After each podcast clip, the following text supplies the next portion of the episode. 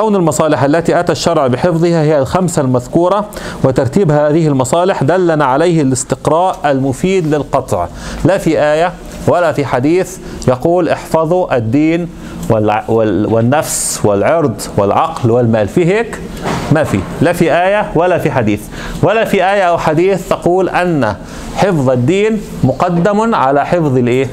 النفس. فيه ما فيه لكن هذه المسائل أقوى في الدلالة من كثير من في الدلالة انتبهوا من كثير من الآيات والأحاديث الصحيحة. كيف هذا؟ سنرى. يقول الشاطبي ودليل ذلك دليل اعتبار هذه المصالح استقراء الشريعة. ودليل ذلك استقراء الشريعة والنظر في أدلتها الكلية والجزئية ومن طوت عليه من هذه الأمور العامة على حد الاستقراء المعنوي الذي لا يثبت بدليل خاص. استقرينا الشريعة. قرأنا كل القرآن وقرأنا كل ما يمكن قراءته من أحاديث وقرأنا أفعال الصحابة رضوان الله عليهم مصادر التشريع فوجدنا من هذه المصادر جميعا أن الشريعة أتت بحفظ هذه الإيه؟ الخمسة وترتيب هذه الخمسة. بطريقة إن شاء الله تقرأوا كلام الشاطبي حتى لا نطيل عليكم. بطريقة تفيد القطع. كما يثبت عندنا شجاعة علي. هل في حديث في البخاري أو في مسلم يقول إن عليا كان شجاعا؟ في حديث يقول هذا؟ ما في حديث. صح؟ ما في حديث ابدا يقول هذا. لكن هل في أحد يشك أن علي رضي الله عنه كان شجاعا؟ من كبار شجعان العرب؟ ما كان أحد يشك في هذا. ليش؟ ليش؟ لأنه في بدر بارز. كان من الناس اللي بتبارز تمام؟ وفي خيبر راح هو اللي تقدم في الأحزاب وفي كذا وفي كذا وفي كذا تمام؟ فكل هذا صار عندنا تواتر لا يمكن أن نشك فيه لحظة أن عليا رجل إيه؟ شجاع. أقوى من أن يأتي حديث في البخاري يقول إن علي شجاع. لو قلنا إن البخاري أحاديث البخاري ليست إيه؟ ليست قطعية الثبوت. لأن لو اجى حديث يقول هذا يحتمل يحتمل الظن لكن أنا ما عندي حديث واحد. أنا عندي عشرات الأحاديث والوقائع التي تثبت شجاعة علي رضي الله عنه. يشبه التواتر أو هو مثل التواتر المعنوي كما سيذكر الشاطبي. طيب حاتم الطائي كان كريما؟ في حديث بيقول هذا أو في آية؟ لكن كيف عرفنا مرة سوى هيك ومرة سوى هيك ومرة مع حاله عشان يكرم الأضياف. كل هذه الأمور تمام تثبت في النهاية أنه كان رجلا إيه؟ آه كريما. طيب يقول في النهاية بل حصل لهم من الظواهر والعمومات والمطلقات والمقيدات آه، والمطلقات والمقيدات والجزئيات الخاصة في أعيان مختلفة ووقائع مختلفة في كل باب من أبواب الفقه وكل نوع من أنواعه حتى ألفوا أدلة الشريعة كلها دائرة على حفظ طبعا هي على الحفظ لكن هو ده في, في الأصل في الموافقات لكن الصحيح أن هي تكون الحفاظ على تلك القواعد. هذا ما ينضاف إلى ذلك من قرائن أحوال منقولة وغير منقولة. وعلى هذا السبيل أفاد خبر التواتر العلم. يقول أيضا لكن للاجتماع خاصية ليست للافتراق فخبر الواحد مفيد للظن مثلا فإذا انضاف إليه آخر قوي الظن وهكذا خبر آخر وآخر حتى يحصل بالجميع القطع الذي لا يحتمل النقيض. إجا ناس تحكي هل النفس تقدم على الدين ولا الدين يقدم على النفس؟ أي حد له اطلاع أدنى اطلاع على مسائل الشريعة يوقن يوقن أن الدين مقدم على الإيه؟ على النفس. يستحيل مستحيل. تيجي يقول لك فيها خلاف واحد يقول لك فيها خلاف.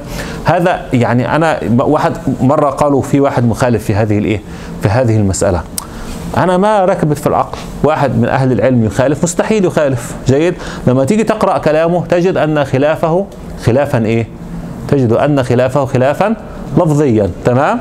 تجد ان خلافه خلاف إيه؟ لفظي. آه طيب فإذا نظرنا مثلا آه فوجدنا أن الشارع شرع قتل المرتد. ليش هنذهب بنفس المرتد؟ لماذا يقتل المرتد؟ حفظا للدين. يبقى أنا قدمت الدين على النفس انتهت. في الدول الغربية أو الدول الكافرة يعني اللي هي الديمقراطية والليبرالية والأمور هذه ما يقتلوا المرتد ابدا؟ ليش؟ ما يقتضوا من ب... لا لأن حفظ النفس مقدم على حفظ الدين. جيد هي الدولة علمانية. يعني إيش علمانية؟ يعني لا تحفظ الإيه؟ لا تحفظ لا, لا, لا ليس لها علاقة بالدين. فإذا مهمتها أن تحفظ الإيه؟ النفس. جيد. فلو واحد كفر هذا لا يمكن أن تذهب بنفسه مقابل الدين من أجل الدين. وإلا أنت تكوني دولة دينية. تمام؟ طيب ليش هم بيعاقبوا؟ لو واحد مثلا سب الدين يعني شتم الدين وثبت عليه هذا. يعاقب في بعض الدول تعاقبه وبعض الدول لا تعاقبه الدول العلمانية. لأنهم يعتبرون هذا نوع من حفظ النفس إن حريتك الشخصية في التدين وهذه الأمور تمام؟ تجعلنا نحافظ على معتقداتك وعلى كرامتك. هذا نوع تحسيني هيك كما نتحدث في التحسينيات. فبالتالي هم يعاقبونه يأخذ ستة أشهر يأخذ سنة تمام؟ ما بيستتبوه ولا يقولوا توبوا إلا قتلناك. ما لهم علاقة بهذه الإيه؟ ما لهم علاقة بهذه المسائل. هي من حرية الناس إن إحنا نحافظ على آه، معتقداتهم. وبالتالي اللي يشتم النصرانية مثل اللي يشتم الإسلام. في الدول اللي هي أغلب أهلها من المسلمين ولكن إيه؟ أغلب أهلها من المسلمين ولكنها تحكم القوانين الوضعية تحكم العلمانية. تقول إن من يسب النصرانية مثل من يسب الإيه؟ الإسلام. جيد هو دين. أنا أحفظ يعني دينه ده شيء شخصي له بنحاول نحافظ له إيه؟ عليه. طيب آه لماذا نقتل من سب الله عز وجل وسب الرسول صلى الله عليه وسلم؟ أيضا حفظا للإيه؟ للدين. وبنذهب بنفسه. يبقى اذا قدمنا النفس على الدين. وهذه مسائل ليس فيها إيه؟ ليس فيها خلاف. شرع لماذا شرع جهاد الكفار؟ لماذا شرع جهاد الكفار؟ هل شرع لحفظ النفس؟ تمام. اللي بيحاولوا يعلمانوا الدين. إيش يقولوا؟ يقولوا هم كانوا بيقاتلوا الكفار من أجل الدفاع عن الإيه؟ عن أراضي المسلمين. فمن أجل الحفاظ على المدينة المنورة تمام؟ راحوا إيش؟ فتحوا هيك من الصين حتى الأندلس. بس من أجل مو هيك كمان هتبقى هيك المدينة هيك. تمام؟ هيك عشان هيك راحوا هو بيحصل هجوم هجوم فهو كل ما بيحصل هجوم يدفعوا يدفعوا يدفعوا يدفعوا. يحصل هجوم على المدينة فيدفعوا لحد ما سوى إيه؟ سوى هيك. كلام ما يدخل العقل بس هو يحاول يعلمن إن ما راكب كيف يحفظ يحفظ الدين. كيف أنا لا إحنا بنقاتل. قاتلوا الذين يلونكم من الكفار ولا يجدوا فيكم غلظة. قاتلوا الذين لا يؤمنون بالله ولا باليوم الآخر ولا يحرمون ما حرم الله ورسوله ولا يدينون دين الحق من الذين أوتوا الكتاب حتى يعطوا الجزية عن يد. وهم صاغرون. أمرت أن أقاتل الناس حتى يشهدوا أن لا إله إلا الله محمد رسول الله. يبقى اذا كل هذا قتال يعني في إيش في في القتال؟ في قتل. قتل منين؟ مني ومنه. جيد أنا حقتل المسلمين هيقتلوا في هذا القتال وكفار سيقتلوا في هذا الإيه؟ القتال. كل هذا حفظا للإيه؟ للدين. تمام؟ طيب. أيضا حث المسلمين على طلب الشهادة. حتى النبي صلى الله عليه وسلم يقول وددت أني أقاتل في سبيل الله فأقتل ثم أحيا ثم أقاتل ثم أو ثم أقتل ثم أحيا ثم أقتل. ليش هذا أيضا حفظا للإيه؟ يتمنى أن تذهب نفسه صلى الله عليه وسلم في سبيل الله حفظا للإيه؟ للدين. تمام؟ طيب وأيضا النبي صلى الله عليه وسلم خرج بنفسه في الغزوات. أيضا كل هذا حفظا للدين مع ما يعرض لهذا لإيه؟ للخطر. آه، إنفاق الأموال الكثيرة تنفق في الجهاد. لماذا تنفق في الجهاد؟ أيضا حفظا للإيه؟ للدين. كل هذا دلنا على أن حفظ الدين يقدم على حفظ النفس وغيرها من المصالح قطعا. وانتبهوا لكلمة قطعا وليس ظنا. يعني لو في دليل واحد لو في حديث يقول إن حفظ النفس حفظ الدين مقدم على حفظ النفس ممكن تقول لي هذا حديث أحد. يحتمل الإيه؟ سهو الراوي أو شيء حتى لو كان صحيح. تمام؟ ممكن تقول لي إن هذا ممكن يؤول بتأويل أو بإيه؟ أو بآخر. مو قطع الدلالة. جيد؟ لكن كل الأدلة هذه بمجموعها أفادتنا أفادتنا قطعا أن حفظ الدين يقدم على حفظ الإيه؟ النفس. أن الدين أتى الشرع بحفظه وأنه يقدم على حفظ النفس. يقول الشاطبي إن النفوس محترمة محفوظة. مطلوبة الإحياء مطلوبة الإحياء بحيث إذا دار الأمر بين إحيائها وإتلاف المال عليها أو إتلافها وإحياء المال كان إحياؤها أولى. حدث تعارض بين حفظ الدين وبين حفظ المال وحفظ النفس. يبقى نحفظ الإيه؟ النفس. هذا بإجماع العقلاء مو بإجماع المسلمين صح؟ سفينة بدها تغرق. سفينة بدها تغرق في البحر. جيد. وفي أموالنا وأغراضنا موجودة في هذه السفينة وفي الناس موجودين. أنتم هيك راكبين إحنا كلنا راكبين سفينة. نسأل الله العافية. وهتبدا تغرق. تمام؟ هل نرمي المتاع ولا نعيف المتاع لحد ما نغرق؟ ولا نرمي الأشخاص ونسيب المتاع؟ هنرمي المتاع يبقى قدمنا حفظ الإيه؟ حفظ النفس على حفظ المال. كل العقلاء بيقولوا هذا. ما فيها هذا. وده كلام الشاطبي الغزالي في الأول لما قال أنا ما بحكي على المصالح اللي هي كلمة مصلحة العامة. جيد اللي هم ناس كثيرة من المنتسبين للعمل الإسلامي أو منتسبين للإسلام عموما يحاول يصور كلمة مصالح بأن هي المصالح اللي بيعقلها الناس. لا إحنا بنحكي على المصالح المصالح التي تحدث عنها الشرع اللي بيعقلها الناس كلنا متفقون على هذا. السفينة هتغرق. نرمي الأغراض ولا ما نرمي؟ نرمي. وهذا نفس تعليل الضرائب اللي بيسأل عنه كثير. يا أخي هيجي العدو يأخذ البلاد. نرمي الأموال ولا ما نرمي الأموال؟ من باب حتى حفظ النفس اترك حفظ الدين. من باب حفظ النفس. نرمي الأموال نأخذ الأموال. جيد. حتى لو إيش؟ هذا عقلا ما ما يجادل فيه أحد. ما يجادل فيه أحد. حتى أمريكا في ال في ال لما حدث أحداث 11 سبتمبر تمام؟ هو عنده قانون والقانون هذا بيعطيه قدسية وحريات وما حريات. حصل 11 سبتمبر إيش سوى؟ رمى كل الحريات هاي. ما في شيء اسمه حريات. هو بقى عنده حفظ النفس مقدم على حفظ الإيه؟ على حفظ دينه اللي هو الديمقراطية ولغى الديمقراطية. مو هيك؟ وبلش يقبض على الناس يقبض على الناس ما بتفرق معه. عمل نفس الشيء في الحرب العالمية الثانية. الحرب العالمية الثانية لما بدأ حدث خطر من اليابان لغى شيء اسمه ديمقراطية بالنسبة لليابانيين. كل الأمريكان اللي من أصل ياباني راح جمعهم في معسكرات. وين الديمقراطية؟ يقول لك لا عند النفس. جيد. ما في إيه الديمقراطيه هاي بنعتبرها شيء هيك عشان النفس تعيش منيحه مو دين ماشي ماشي يا شباب؟ واضح هذا؟ فهذه عند كل العقلاء. وين بقى اللي بيفرق؟ المسلمين عن باقي إيه المسلمون العقلاء. تمام؟ عن باقي العقلاء الكفرة اللي هو حفظ الايه حفظ الدين. تمام؟ آه كان إحياؤها. فإن عارض إحياؤها إماتة الدين كان إحياء الدين أولى وإن أدى إلى إماتتها.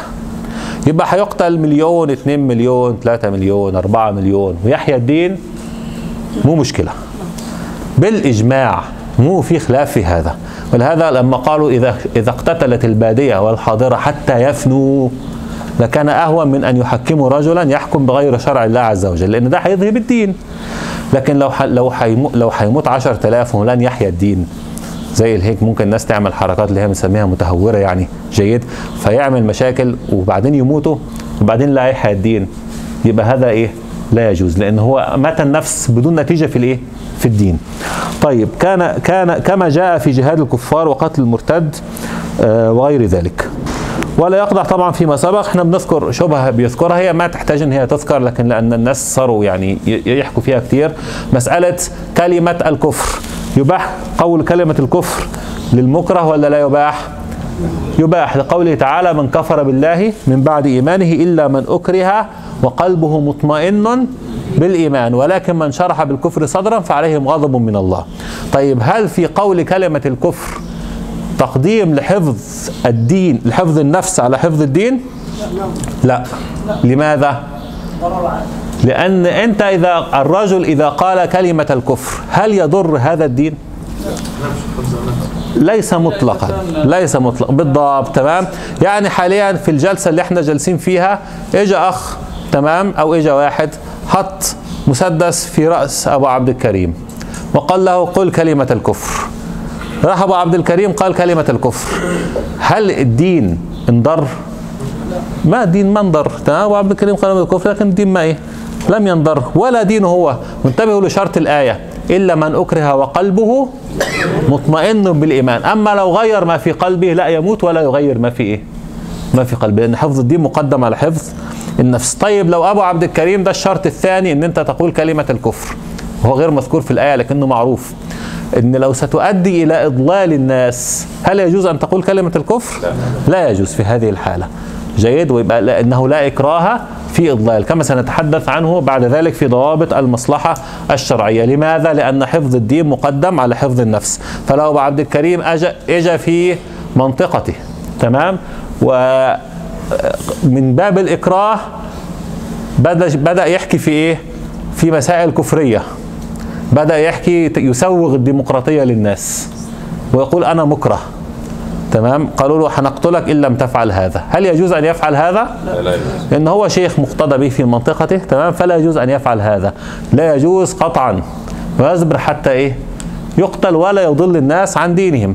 ناس تقول لك يعني الديمقراطية يا أخي طب يجوز يدعو الناس للنصرانية يجوز يدعو الناس النصرانية اللي هو يجي يجادلك في هذه المسألة. قل له يجوز واحد يروح يقنع ضيعته بالنصرانية لأنه هو مكره؟ هل يجوز رجل منكم يذهب إلى ضيعته ويقنعهم بالنصرانية لأنه مكره؟ لا يجوز. قطعا. أيهما أشد كفرا الديمقراطية أم النصرانية؟ ديمقراطية لأن النصرانية بتقول إن الحكم إلا لله ولكن إيش؟ بتحرف تمام؟ ديمقراطية بتقول الحكم ليس لله أصلا. أقسام المصالح هنتحدث على طريقتين في التقسيم. الطريقتين مهمين جدا. أقسام المصالح. في تقسيم من حيث القوة في ذاتها من حيث قوتها وفي تقسيم من حيث آه اعتبار الشارع صح؟ اعتبار الشارع لها. تمام؟ طيب بالنسبة من حيث اعتبار الشارع لها في أربع أنواع.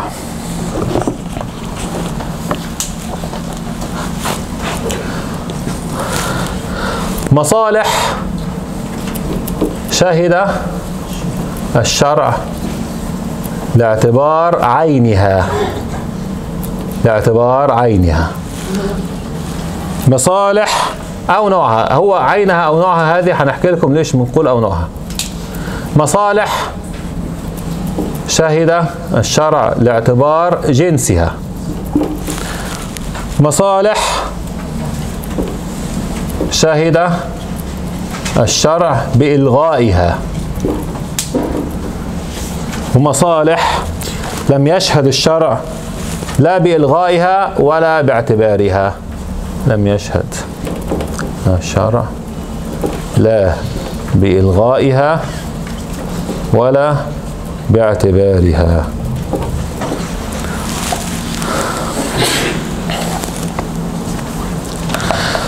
طبعا هذه التي شهد الشرع لاعتبار عينها أو نوعها هي المصالح التي يوجد نص من كتاب أو سنة أو إجماع لاعتبار هذه إيه؟ هذه المصلحة أو شهد لهذه المصلحة وهذا هو نوع الذي نسميه القياس القريب هذا هو القياس القريب وهذا هذه. هذه هذا الربط بين هذا وبين القياس القريب وهذا القياس البعيد مهم جدا قد لا تجدونه إلا في هذا الكتاب بهذا بهذا النص يعني بهذه الطريقة. تمام يا شباب؟ هذا هو القياس القريب. اللي هو قياس إيش؟ عين العلة في عين الحكم أو في جنس الإيه؟ أو في جنس الحكم. تمام يا شباب؟ مشاهد مصالح شهد الشرع لاعتبار عينها. وهذا هو أصل فكرة القياس وهو الذي عليه جماهير أهل العلم حتى بعض الظاهرية بيعتبروا عين في الإيه؟ في العين بيعتبروا هذه المصالح بس جزئية عين العلة في عين الإيه؟ في عين الحكم. مثال مثال هل السارق يضمن المسروق ولا لا يضمنه؟ ها هل السارق يضمن المسروق أم لا يضمنه؟ طيب في دليل قرآن أو سنة على هذا؟ دليل بالقرآن أو سنة على إن السارق يضمن المسروق؟ السارق إيش حكمه في القرآن؟ فاقطعوا أيديهما. ما في حكمه إن هو يرد الإيش؟ المسروق. طيب من وين ضمننا السارق المسروق؟ من أين؟ من القياس. قياسا على ماذا؟ على الغاصب. لأن الغاصب بالإجماع لابد أن يرد إيه؟ المغصوب تمام؟ طيب وين هون مال؟ العلة أن ده مال أخذ بغير إيه؟ حق تمام؟ فلا بد أن يرده. فايضا هذا مال أخذ بغير حق فلا بد أن يرده. فهذه المصلحة شهد الشرع لعينها أو لنوعها. والعين والنوع هنا نقصد بهم نفس الكلمة. لكن هون في الكتاب أنا يعني أجد أن إحنا نغير الكلمة. مكتوب إيش؟ لأن الشرع شهد لنوعها حيث حكم بالضمان على الغاصب. طبعا أنا لما ذكرت الأول لنوعها. ثم بعد ذلك قلت هذه مصلحة شهد الشرع لعينها. أنا أريد أن أنبهك أن العين والنوع شيء واحد. يتحدث عنه العلماء في هذه المسألة بشيء واحد. ما فصلوا جنس ونوع إيه؟ وعين. قالوا إما جنس علة وإما عين إيه؟ علة. فهذه سهلة جدا وما فيها إشكال. طيب مشاهد شا مصالح شاهد الشرع لاعتبار جنسها وهي التي يوجد أصل في كتاب أو سنة أو إجماع يشهد لجنس المصلحة وليس لعين المصلحة يعني يشهد لجنس العلة وليس لعين الإيه؟ العلة. تعالوا ناخد مثال أنتم تعبتم من الإيه؟ من التنظير فناخد مثالات مثال عملي يسهل عليكم هذه المسألة. شارب الخمر كم يجلد؟ أربعين أم ثمانين؟ آه، أربعون أم ثمانون جلدة. طيب الذي ال- لما علي رضي الله عنه قال يجلد ثمانون جلدة. تمام؟ من أين أتى؟ آه، قال يجلد ثمانين جلدة. من أين أتى بهذا الدليل؟ من أين أتى به؟ قاسه على ماذا؟ في, في الأثر اللي روي عنه أنه قاسه على القاذف. طيب كيف يقيسه على القاذف؟ وين العلة؟ تعالوا هيك نضع. هك هذا من باب التقريب إن شاء الله نحكي على هذا المثال بطريقة أطول. لكن تعالوا نضع الجدول اللي إحنا إيش متعودين عليه. تمام؟ إيش الأصل؟ ما هو الأصل؟ ه- القذف. تمام؟ إيش الحكم؟ ثمانون إيه؟ جلدة. تمام؟ طيب. إيش العلة؟ هو ال- الافتراء طب اللي اللي اللي بيشرب خمر بيفتري؟ اللي بيشرب خمر عين شربه عين شربه للخمر افتراء. واحد شرب خمر واحد شرب شرب يا أخي شرب كاسة هيك صغيرة. لما شربها صار مفتري؟ صار سكران أو صار حيسكر بده يسكر تمام؟ يبقى وين العلة؟ يلزم مو يلزم؟ أيوه شويس يغلب يغلب على يغلب إن هو إيش؟ يعني إن هو سيفتري. هون أنا بدي أعدي العلة للإيش؟ للفرع. إيش العلة هون؟ لو العلة لو الحكم القذف فقط ما حيمشي الحال. طيب لأن إحنا ما حنحسن نطلع في علل كثير. إيش يعني ما حنحسن نوصل للإيه؟ للرابط لهذا الفرع. لكن إيش؟ إحنا وجدنا إن الشريعة في أحكام كثيرة أقامت مظنة الشيء مقام نفس الشيء. أنتوا لما تسمعوا هذا الدليل من علي رضي الله عنه ممكن كثير منكم قبل ذلك يعني يحس وين وجه وين وجه الرابط؟ تمام؟ يحس أنت هيك شرعت حد ده حد تمام؟ شرعته هيك بدون إيش؟ بدون ما تجد رابط قوي تمام؟ هو هو يشير للقذف كنوع من أنواع اللي في النهاية هتطلع لنا العلة بجنسها أو كعين من الاعيان هتطلع لنا الجنس العلة بجنسها. إيش العلة؟ يقول العلة إن في مصادر كثيرة في الشريعة أو أحكام كثيره كثيرة في الشريعة أقامت مظنة الشيء مقام نفس الإيه؟ نفس الشيء. تعالوا هيك نشوف. بصوا يا شباب. الخلوة بالمرأة. الخلوة بالمرأة. تمام؟ بتتحسب بناء أم ليست بناء؟ يعني من اختلى بامرأة بعد أن عقد عليها عقد على امرأة. ثم اختلى إيه؟ ثم اختلى بها. جيد؟ بنحسبها إيش؟ بنقول هذا يحكم عليه أنه قد بنى بها. لماذا يحكم عليه؟ لأننا لأنه لما اختلى بها يعني إيش الخلوة؟ يعني يضمن الخلوة اللي هي محرمة يضمن أن ما أحد يدخل عليهم. تمام؟ خلوة صحيحة. هذه الخلوة صحيحة فنقول أن هذا مظنة أن يطأها. فلهذا يحكم عليه أنه إيش؟ قد بنى بها. يعني يجب المهر المرأة المعقود عليها يجب نصف الإيه؟ المهر. المرأة التي بني بها يجب كل الإيه؟ المهر. طب المرأة التي اختلي اختل اختلي بها اختلى بها يجب كل الإيه؟ يجب كل المهر. ممكن يبقى في خلاف أنا عارف إن في خلاف لكن أنا بحكي في إيش؟ إن إيش العلة هون؟ أقمنا مظنة الشيء مقام نفس الإيه؟ نفس الشيء. طيب الإيلاج بدون إنزال رغم إن النبي صلى الله عليه وسلم قال إنما الماء من الماء. الايلاج بدون إنزال. هون مين أبو أبو أبو إيش؟ أخ أبو جهاء؟ أبو حسين أبو حسين. هذه عين هذه عين. في هذه العين أقمنا مظنة البناء البناء بالمرأة مقام نفس البناء. وضحت هيك؟ في هذه العين أقمنا مظنة البناء بالمرأة مقام نفس البناء بالإيه؟ بالمرأة. العين نفس الجنس. لا خليك في العين بس. أقمنا مظنة البناء بالمرأة مقام مقام نفس البناء بالإيه؟ بالمرأة. طيب العلاج العلاج رجل آه، حدث علاج منه في امرأته ولكن لم يحدث إنزال. عليه غسل أم ليس عليه غسل؟ عليه غسل بالدليل مو بالقياس. عليه غسل بالإيه؟ بالدليل تمام؟ طيب هذا عليه غسل. ليش عليه غسل؟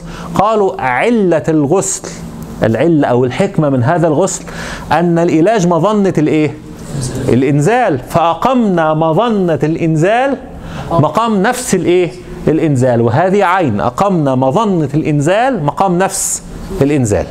طيب ال- الذي ولج في امرأة لا تحل له.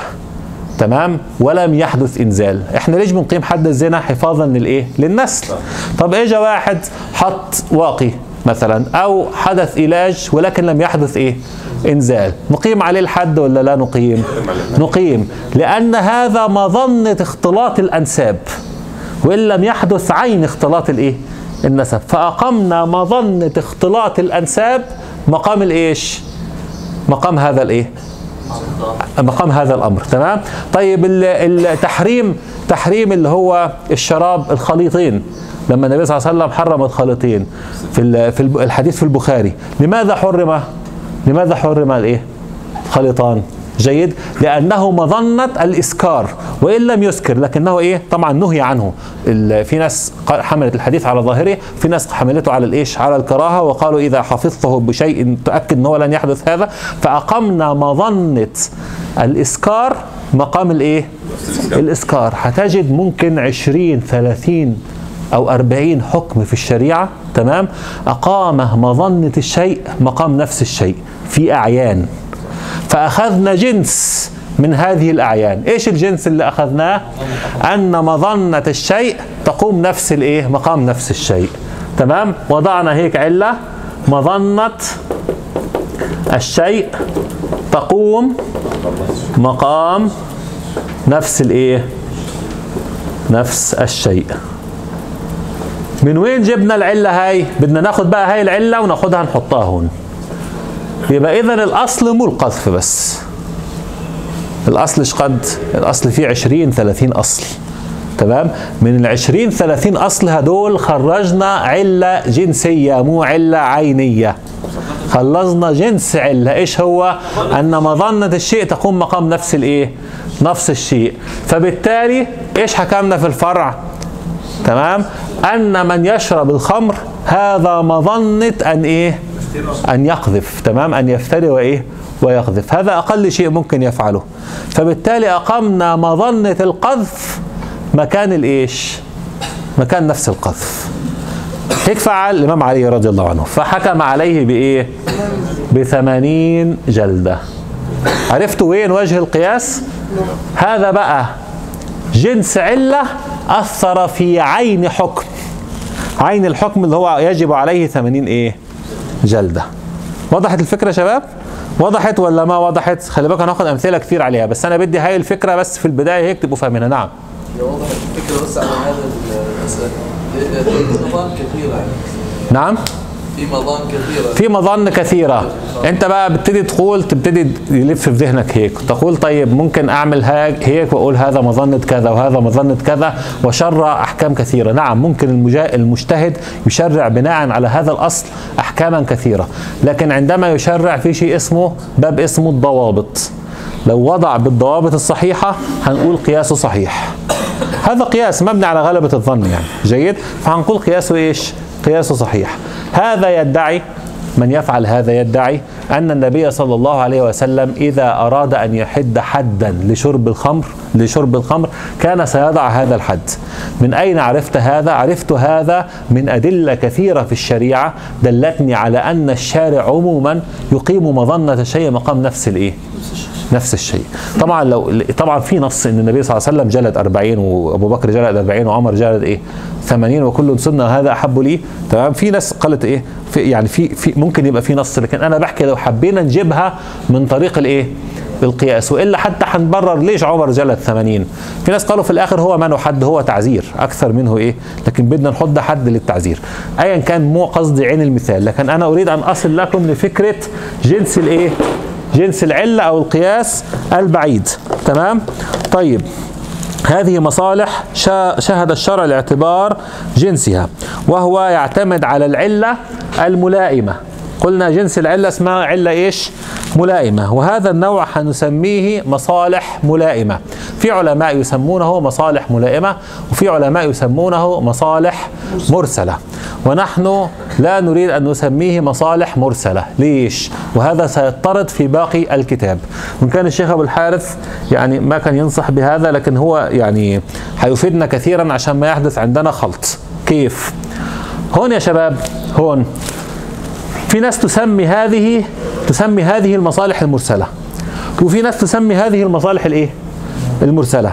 الفقهاء قسمين. انقسموا قسمين. قسم بيسمي هذه المصالح المرسلة وقسم بيسمي هذه المصالح الإيه؟ المرسلة. فتيجي تلاقي واحد بيأخذ بالمصالح المرسلة وأنت تعريف المصالح المرسلة عندك هنا فتنكر عليه. يقول لك كيف تأخذ بهذه المصالح المرسلة؟ لا لم يشهد الشرع لا لاعتبارها ولا إلغائها كما سنحكي بعد ذلك بإذن الله تمام؟ فيقول لك لا أنا أقصد هذا إيه؟ هذا الأمر. فيحدث تناقض بين أهل العلم يحدث اختلافات. فأنت ممكن المذهب الحنبلي مثلا بيسمي هذا النوع بيسميه مصالح إيش؟ بيسمي هذا بيسمي هذا النوع مصالح ملائمة تمام؟ ويسمي هذا مصالح إيه؟ مرسلة.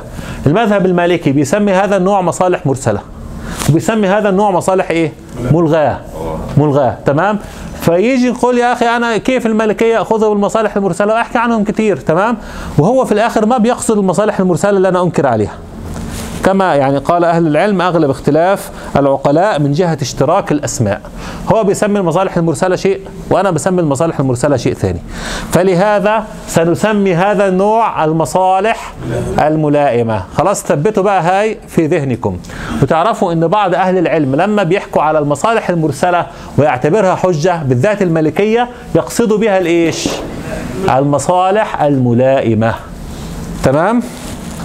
وهي تحل لكم لما تقرأوا في كتب الأصول ممكن يحصل عندكم خلط كثير بسبب هذه المسألة. فأنا سهلت لكم يعني ممكن سنة دراسة بهذه الكلمتين. تمام يا شباب؟ نعم. عليه حضرتك وسميته القياس البعيد. آه بنسميه القياس البعيد لأنه بيعتمد على المصالح الملائمة على جنس العلة مو على عين العلة. عين العلة قريب جنس العلة بعيد. تمام؟ الجنس بعيد آه والعين الجنس بعيد. العين هي دي فلان وفلان وفلان. الجنس ده شيء بعيد. واضح هيك؟ تمام يا شباب؟ انتبهوا لهذا. عشان هيك لما تلاقي واحد بينكر على المصالح المرسلة قل له أنت إيش قصدك بالمصالح المرسلة؟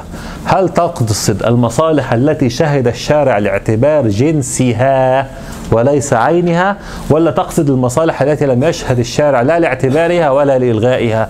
لو قال لك أنا أقصد هذه قل له خلاص في بيننا اختلاف في العبارة إحنا مو منا مختلفين تمام؟ لو قال لك أقصد هذه قل له لا هون في خطأ عندك لأن أغلب أهل العلم على اعتبارها إلا الظاهرية. كما سنرى بإذن الله تعالى. هذه دعوة طبعا تحتاج تحقيق كثير وفيها مشاكل. لكن كما سنرى إن أغلب أهل العلم على اعتبارها إلا الإيه؟ الظاهرية. لو قال لك ها ها مش فاهم يبقى خلاص إيش؟ يعني ارميه على جنب أعرف هذا ماله إيه؟ ليس له في العلم الذي يتحدث فيه. طيب يتحدث الشاطبي عن حجية المصالح الملائمة. مين قال أن هذه المصالح حجة؟ قلنا كل الأدلة التي تتحدث عن حجية القياس تثبت لنا بالتبعية أن هذا النوع من المصالح إيه؟ حجة. لأن إيش؟ هذا نوع من أنواع القياس. إيش الإشكال؟ لكن أنا بدل ما بقيس على علة في دليل واحد أنا بقيس على علة موجودة في مجموعة إيه؟ أدلة.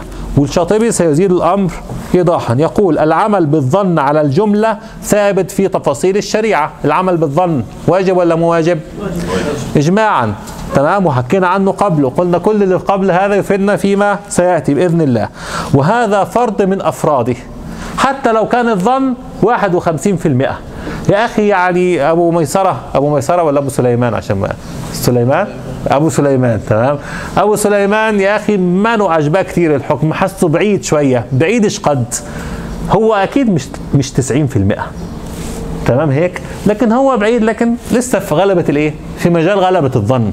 فلما تركز في مسألة إن غلبة الظن يكفي في وجوب العمل بها أن تكون 51% هترتاح كتير معنا فيما فيما سيأتي بإذن الله. معايا أبو خالد؟ سهران طول الليل؟ طيب هنجيب لكم إن شاء الله قهوة. طيب آه، فلا مخالف آه، وهذا فرد من أفراده وهو إن لم يكن موافقا لأصل أي في عين العلة وإن لم يكن موافقا للأصل فلا مخالفة فيه أيضا. أنت هتقول هو من موافق؟ ما في شيء هيك دلنا. لا في دليل قال إن العلة هي المظنة تمام ولا في شيء هيك بعينه. هيقول لك ابن قدامة آه، الشاطبي يقول طيب هو لو منه موافق؟ منه مخالف؟ لا هو موافق ولا هو إيش؟ مخالف. فهذه تسقط أمام هذه وتتبقى غلبة الظن اللي بيثيره فالذي يوجب الإيه؟ الذي يوجب العمل. فيتعارضان ويسلم أصل العمل بالظن. هو منه موافق؟ برضه هو منه إيه؟ مخالف. هذا أمام هذا أسقطناهم. تبقى وجوب العمل بغلبة الإيه؟ الظن. تمام؟ اتفضل وقد أعمل العلماء المناسب الغريب طبعا المناسب الغريب ده اسم ثالث. بيسموا أيضا هذا المناسب الغريب. يبقى بيسموه المصلحة المرسلة وبيسموه المصلحة الملائمة وبيسموه المناسب الإيه؟ الغريب وإحنا سميناه القياس البعيد. جيد كل هذا حتى تساعدكم على قراءة الكتب. المناسب الغريب هو الملائم في أبواب القياس. طبعا يقرر الشاطبيه أن العمل بغلبة الظن واجب في الشرع وهو واجب بالإجماع كما أشرنا والعلة الملائمة أفادت غلبة الظن فيجب إعمالها. طيب النوع الثالث من المصالح. مصالح شهد الشرع بإلغائها وهي التي يوجد, وجد نص أو إجماع بخلاف ما يتوهم وانتبهوا لكلمة يتوهم أنه مصلحة. في مصلحة قدرها الفقيه وبدأ يحكم بهذه المصلحة فاكتشفنا إن في نص أو في إجماع يخالف هذا الأمر. فتكون هذه مباشرة مصلحة ملغاة. مصلحة ملغاة. مثال المثال اللي بيذكره كثيرا وهو يعني الفقيه هذا فضح منذ أن قال هذه الكلمة حتى الآن. هو طبعا فقيه كبير في المذهب المالكي لكن هيك قدره.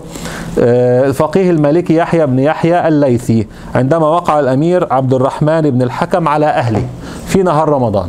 وقع على أهله في نهار رمضان الأمير عبد عبد الرحمن ابن الحكم. فلما وقع على أهله ذهب استدعى الفقهاء. إيش حل المشكلة هذه؟ راح يحيى بن يحيى وكان أعلم هؤلاء الفقهاء وهو طبعا من أصحاب الإمام مالك قال يجب عليك أن تصوم شهرين متتابعين. تمام؟ سكت باقي الفقهاء سكتوا يعني إيه اجلالا لهذا الإيه فقيه. لما خرج قالوا له لماذا لم تفتيه بالراجح في مذهبنا؟ إيش المذهب المالكي في من وقع على امراته في نهار رمضان؟ ماذا يلزمه؟ لا مو مخير. أنت هيك ترى ان هو مخير؟ أنت هيك قرأتها ان هو مخير. لا خليكم معي. عليه إيش؟ يعتق رقبة. فإن لم يجد؟ ها فصيامه شهرين متتابعين. فإن لم يجد؟ فإطعام ستين مسكينة. هذا مذهب الجمهور. المذهب المالكي يقول أنه مخير بين ال ال الإعتاق أو الصيام أو الإيش؟ أو الإطعام. هو راح الفقيه يحيى قال له يجب عليك أن إيه؟ أن تصوم. تمام؟ فراحوا قالوا له ليش؟ قلت له هيك لما خرج. قال لو قلت له عليك أن تعتق هو عنده رقاب كثيرة. ممكن يكون عنده ألف رقبة. تمام؟ فهو يجي رمضان كله يفطره. فيعتق كم رقبة؟ 30 ورمضان الجاي كله يفطره يعتق كام 30 مو فرقنا معه يظل يعتق 30 30 ممكن ما يصوم في عمره كله. فوجدت أن الأرض له تمام مصلحة دي مصلحة ولا مو مصلحة؟ مصلحة لحفظ الدين ولا مو لحفظ الدين؟ لحفظ الدين بده يحفظ دين الملك تمام؟ فقال أنا وجدت أن الأرض له أقول يجب عليك الإيه؟ الصيام تمام؟ وهذه ما يوجد كتاب يتحدث المصالح الملغاة إلا وغالبا يأتي بهذا الإيه؟ بهذا المثال. على أن هو خالف نص. إيش النص؟ النبي صلى الله عليه وسلم لما أتى إليه أعرابي قال له هل تجد رقبة؟ قال لا أجد. قال يعني هذا في الحديث والحديث الصحيح. بل خالف أيضا الإجماع لأن العلماء مختلفين على إيه؟ على رأيين. ولا يجوز ولا يجوز أن تحدث قولا ثالثا. فخالف النص وخالف الإجماع فبطلت فتياه. وإن كان استدل في هذه الفتية على الإيه؟ على المصلحة. فبطلت الفتوى التي ذكرها وإن كان استدل بهذه آه، بطلت فتواه وإن كان استدل في هذه الفتوى بالمصلحة. فهمتوا يا شباب؟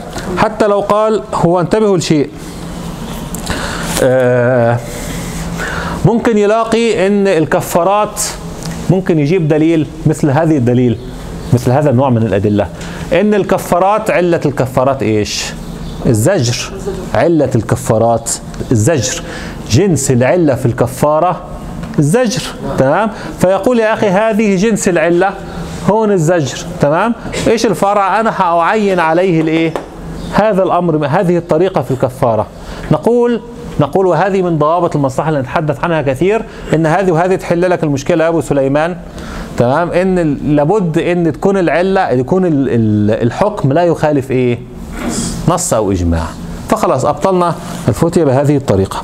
طيب مثال المخالفة المصالح المخالفة للنص المساواة بين الرجل والمرأة في الميراث اللي هو في تونس. لما بدهم يساووا بين الرجل والمرأة قلنا هذا لا يجوز. ليش لا يجوز؟ هم جابوا مصلحة. قالوا إيش العلة؟ إن الرجل له ضعفي المرأة. يأخذ في بعض المواريث.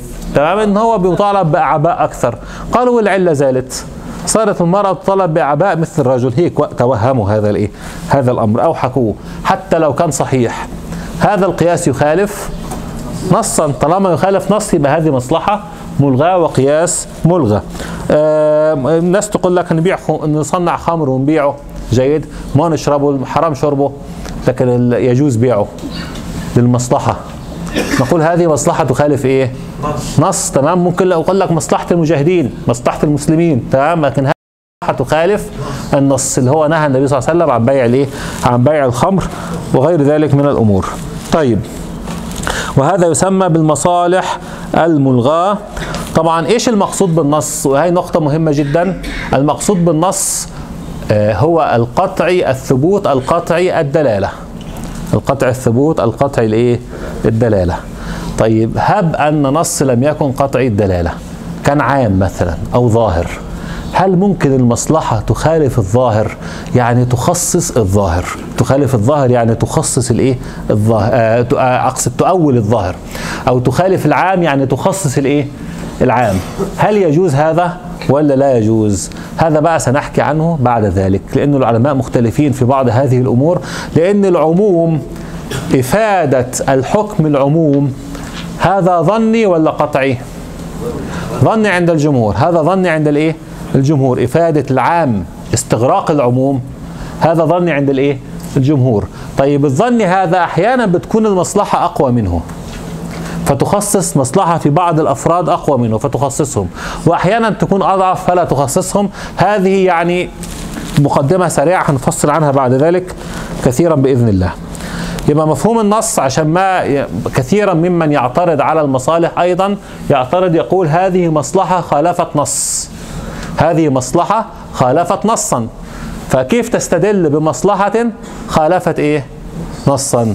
جيد؟ تقول هي خالفت ظاهر النص وليس إيش؟ هذا نص ليس قطع الدلالة. أو حتى خالفت نص ضعيف. ممكن خالفت نص ضعيف. ممكن ضعيف أمام هذه المصلحة. نعم؟ أرجح. فأرجحها.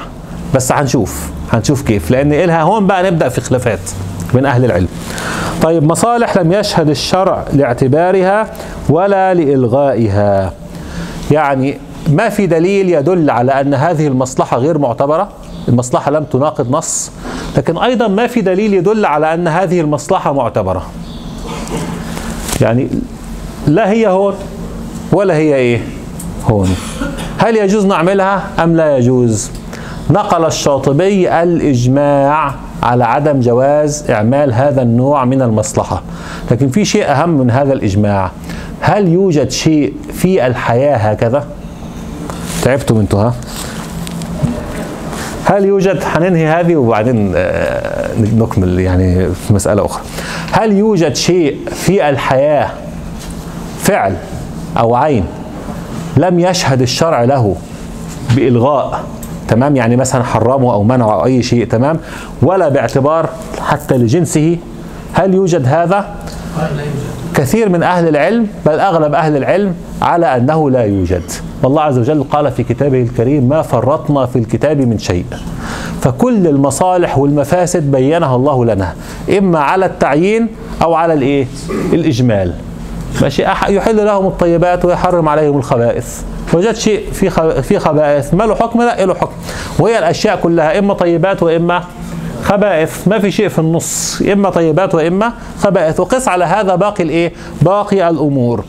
وعلى كثرة ما طلعت على ناس بتتحدث في هذه في هذه الأنواع من المصالح لم أجد احدا أتى بمثال فيه هذا النوع من المصلحة. مثال سالم من معارض. حتى الشاطبي لما حب الشاطبي أقوى من تحدث في موضوع المصالح وأكثر من فصل فيه. لما حب يجيب مثال جاب مثالا أو أتى بمثال مفترض. فقال هب أن الشرع لم يرد بأن القاتل لا يرث. هب أن الشرع لم يرد بأن القاتل لا إيه؟ لا يرث. فإحنا هل لا نورثه من باب المصلحة؟ إن إحنا لا يفتح يعني باب القتل وهيك هل لا نجعله يرث من هذا الإيه؟ من هذا الباب؟ فيقول هذه مصلحة. لم يأتي الشرع باعتبار جنسها ولا أتى باعتبار ولا لا أتى باعتبار عينها ولا باعتبار جنسها ولا أتى بإلغائها فهذا فيها لو فرضنا أن هذا المثال موجود يبقى هذا نوع من المصالح الإيش؟ المصالح التي لم يشهد الشرع لا باعتبارها ولا بإلغائها وتسمى بالمصالح الغريبة. اسمها المصالح الغريبة. فهذا نوع من المصالح الغريبة فلن نعتبره. لكن هل الشرع لم يرد بأن القاتل لا يرث؟ ورد. في دليل في الشرع لا يرث الإيه؟ القاتل. بل أجيب لكم أشد من هيك. افرض إن هو لم يرد في الشرع دليل أن القاتل لا يرث. هل جنس الأحكام الشرعية أو جنس العلة تدلنا على أن القاتل لا يرث؟ حتى بدون هذا الدليل العيني. ها؟ مين يجيب أمثلة نعم القاعدة أيوه عوقب بإيه؟ بحرمانه تمام هذه القاعدة مستدل عليها بأدلة كثيرة من الشرع دلتنا على أن من استعجل شيئا قبل اوانه عوقب بحرمانه في قاعدة سد الذرائع وهذه ذريعة للإيه؟ ذريعة لهذا الأمر فلو فرضنا حتى إن لم يرد دليل خاص في هذه المسألة يلغيها جيد أو يعني يثبتها فايضا إيش؟ جنس العلة حنجد فيها إيه؟ أمر فإذا بحثت قدر ما بحثت لن تجد مصلحة لم يرد الشارع بإلغائها ولا باعتبارها. الشيخ ابن الوليد هيجيب لنا مصلحة لم يرد الشارع بإلغائها ولا اعتبارها ويعدي كل العلماء اللي قالوا ما فيه. تفضل يا شيخ ابن الوليد. مثال على نفس الموضوع. نعم. أهل العلم من تزوج امرأة في عدتها. نعم. أصلا الملكية حرمت عليها على التأبيد. تمام. من باب يعني بس هذا له جنس.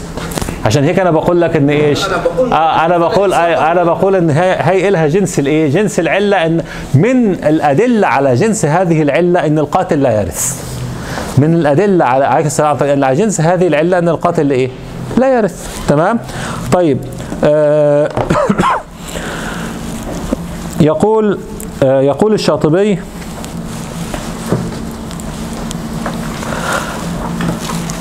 بس أنا أريد أن أريكم الإجماع. فالمعاملة بنقيض المقصود على على تقدير أن لم يرد نص على وفقه فإن هذه العلة لا عهد بها في تصرفات الشرع. بالفرض ولا بم- بملائمها. بالفرض يعني يقصد بالعين هنا ولا بإيه؟ ولا بملائمها. بحيث يوجد لها جنس معتبر فلا يصح التعليل بها ولا بناء الحكم عليها باتفاق. يعني نقل الإجماع أن هذه المصالح اللي هي المصالح الملغاة لا يجوز العمل بها اتفاقا. انتبهوا الجزئية يا شباب. أكثر من شنع على المالكية بعمل المصالح بإعماله المصالح المرسلة يعرف المصالح المرسلة بهذا التعريف. اللي هي المصالح التي لم يشهد الشرع لها لا باعتبار ولا بإلغاء. فيقول هذا لا يجوز أن تعمل به. الشاطبي اللي هو أصل المذهب المالكي قال أن هذه بالإجماع لا يجوز العمل بها لكن أنا بس ما بسميها مرسلة أنا أسميها مصالح إيش؟ ملغاة وبسمي هذه المرسلة اللي أنتم جميعا بتعملون إيه؟ اللي أنتم جميعا بتعملون بها وهذا يحل لكم إشكال كبير في أصول الفقه وهو سمى كتابه الموافقات ليش سماه الموافقات؟ ليش سماه الموافقات الشاطبي؟ يوفق بين مو اسم. أيوه كرمال يوفق بين الإيه؟ المذاهب كان المذهب الحنفي والمذهب المالكي كان مسميه اسم ثاني وواحد شاف له رؤية أو شيء إن هو يغير الإيه؟ الاسم للموافقات. فراح سماه الموافقات حتى يوفق بين الإيه؟ حتى يوفق بين المذاهب. ويقول في الحقيقة ما في اختلافات في هذه المسائل. تمام يا شباب؟